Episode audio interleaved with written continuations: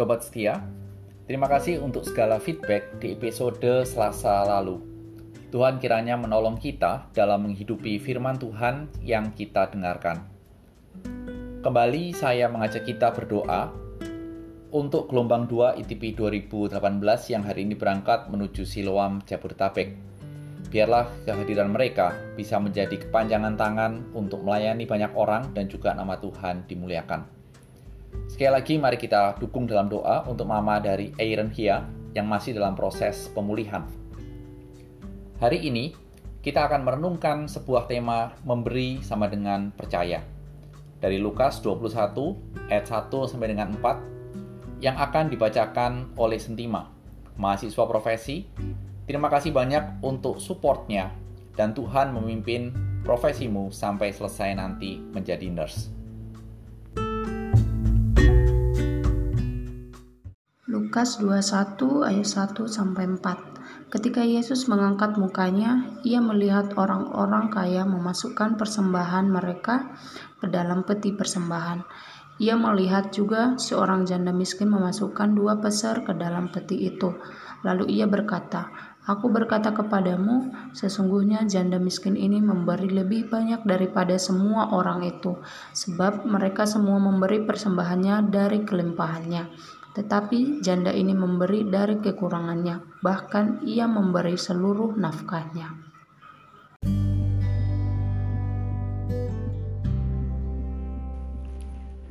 Mari kita berdoa. Tuhan Yesus, biarlah kami belajar sekali lagi dari firman Tuhan bagaimana kami harus hidup untuk menyenangkan Tuhan. Demi Kristus, amin. Sobat setia, kalau saya bertanya kata mana yang lebih menjadi kesukaan kita, kira-kira apa yang menjadi jawaban daripada sobat setia semua? Memberi uang atau menerima uang? Memberi uang atau menyimpan uang? Yang mana yang lebih kita suka? Rasanya secara umum umat manusia menyukai menerima dan menyimpan uang dibandingkan dengan memberi.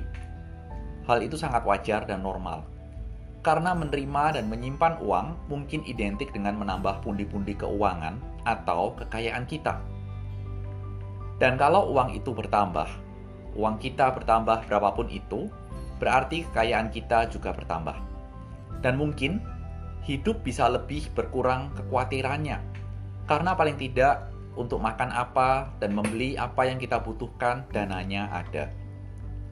Bila hidup manusia seperti ini, maka hitung-hitungan matematika untuk hidup kita akan sangat dekat. Dan benar-benar logika matematika, perhitungan matematika itu berjalan dalam kehidupan kita.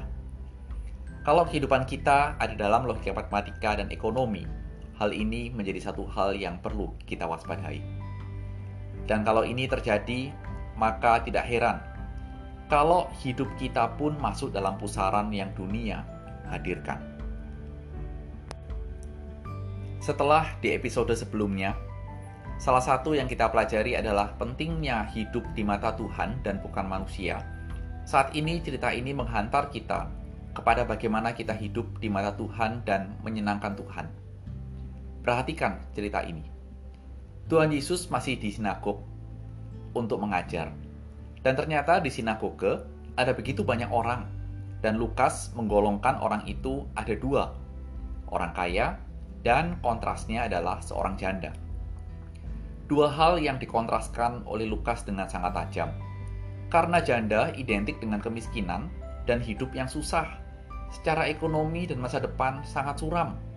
Sedangkan orang kaya berbanding terbalik, identik dengan kelimpahan harta dan kenyamanan hidup, masa depan yang jauh lebih terjamin. Dan ternyata dua orang itu sama-sama ada di sinagog mempersembahkan uang persembahan.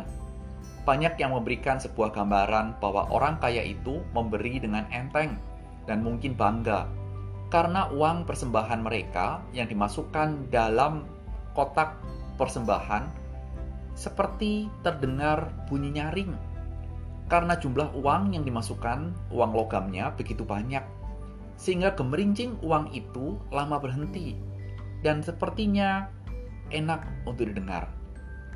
Sedangkan janda itu dicatat memasukkan dua peser dalam peti persembahan. Kalau orang kaya tidak dicatat berapa jumlahnya, janda ini dicatat. Dan dua peser itu adalah benar-benar jumlah mata uang yang sangat kecil. Logamnya pun ringan. Dan ketika dimasukkan dalam peti persembahan, ada kemungkinan suaranya pun tidak terdengar. Karena terlalu ringan uang itu. Sehingga bunyinya benar-benar nyaris tidak bersuara. Namun justru Tuhan Yesus memuji persembahan janda itu. Karena janda itu memberi seluruh dari nafkahnya. Artinya, hanya itu yang dia miliki untuk hidupnya. Tapi dia memberikan itu untuk persembahan di dalam sinagoge. Sobat setia, cerita ini selesai. Tidak ada kelanjutannya. Tetapi menarik untuk kita gali. Dan cerita ini harus menjadi sebuah refleksi bagi kita. Mengapa?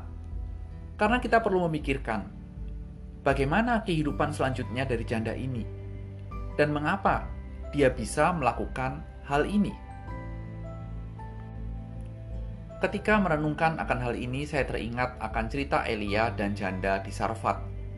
Janda di Sarfat itu hanya memiliki sedikit tepung dan sedikit minyak untuk membuat roti bagi dirinya dan anaknya. Dan setelah itu, dia akan menanti kapan dia akan mati. Karena apa? Tidak ada lagi yang bisa dia makan. Itulah sebabnya dia hanya mencari kayu bakar 2-3 kayu. Ini menunjukkan bahwa 2-3 kayu cukup untuk membuat kue bagi dirinya dan anaknya. Namun di tengah-tengah keterbatasan yang ada, Elia meminta dia untuk membuatkan roti baginya terlebih dahulu, seperti yang Tuhan perintahkan.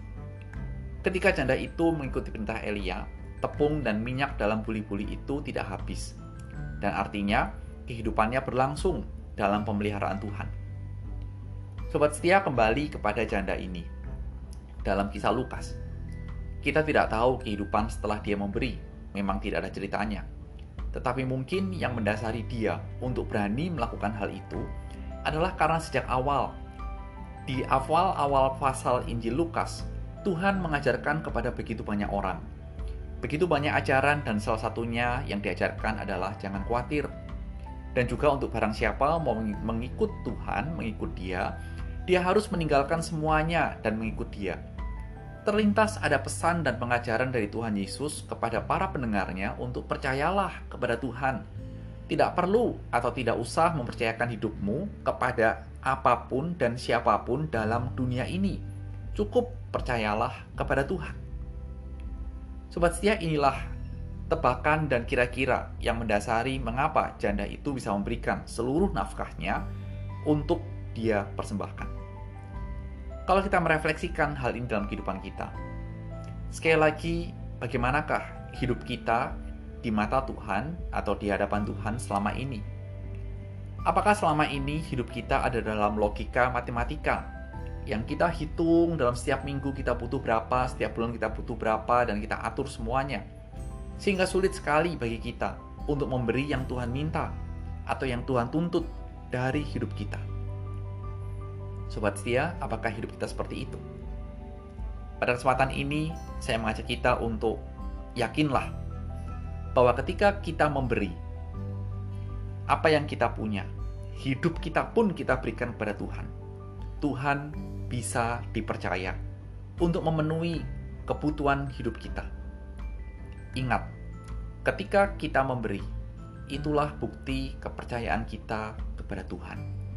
Memberi sama dengan percaya, dan itulah yang menyenangkan hati Tuhan. Selamat menikmati akhir pekan, dan biarlah sekali lagi kita boleh hidup menyenangkan Tuhan di dalam dunia ini. Amin.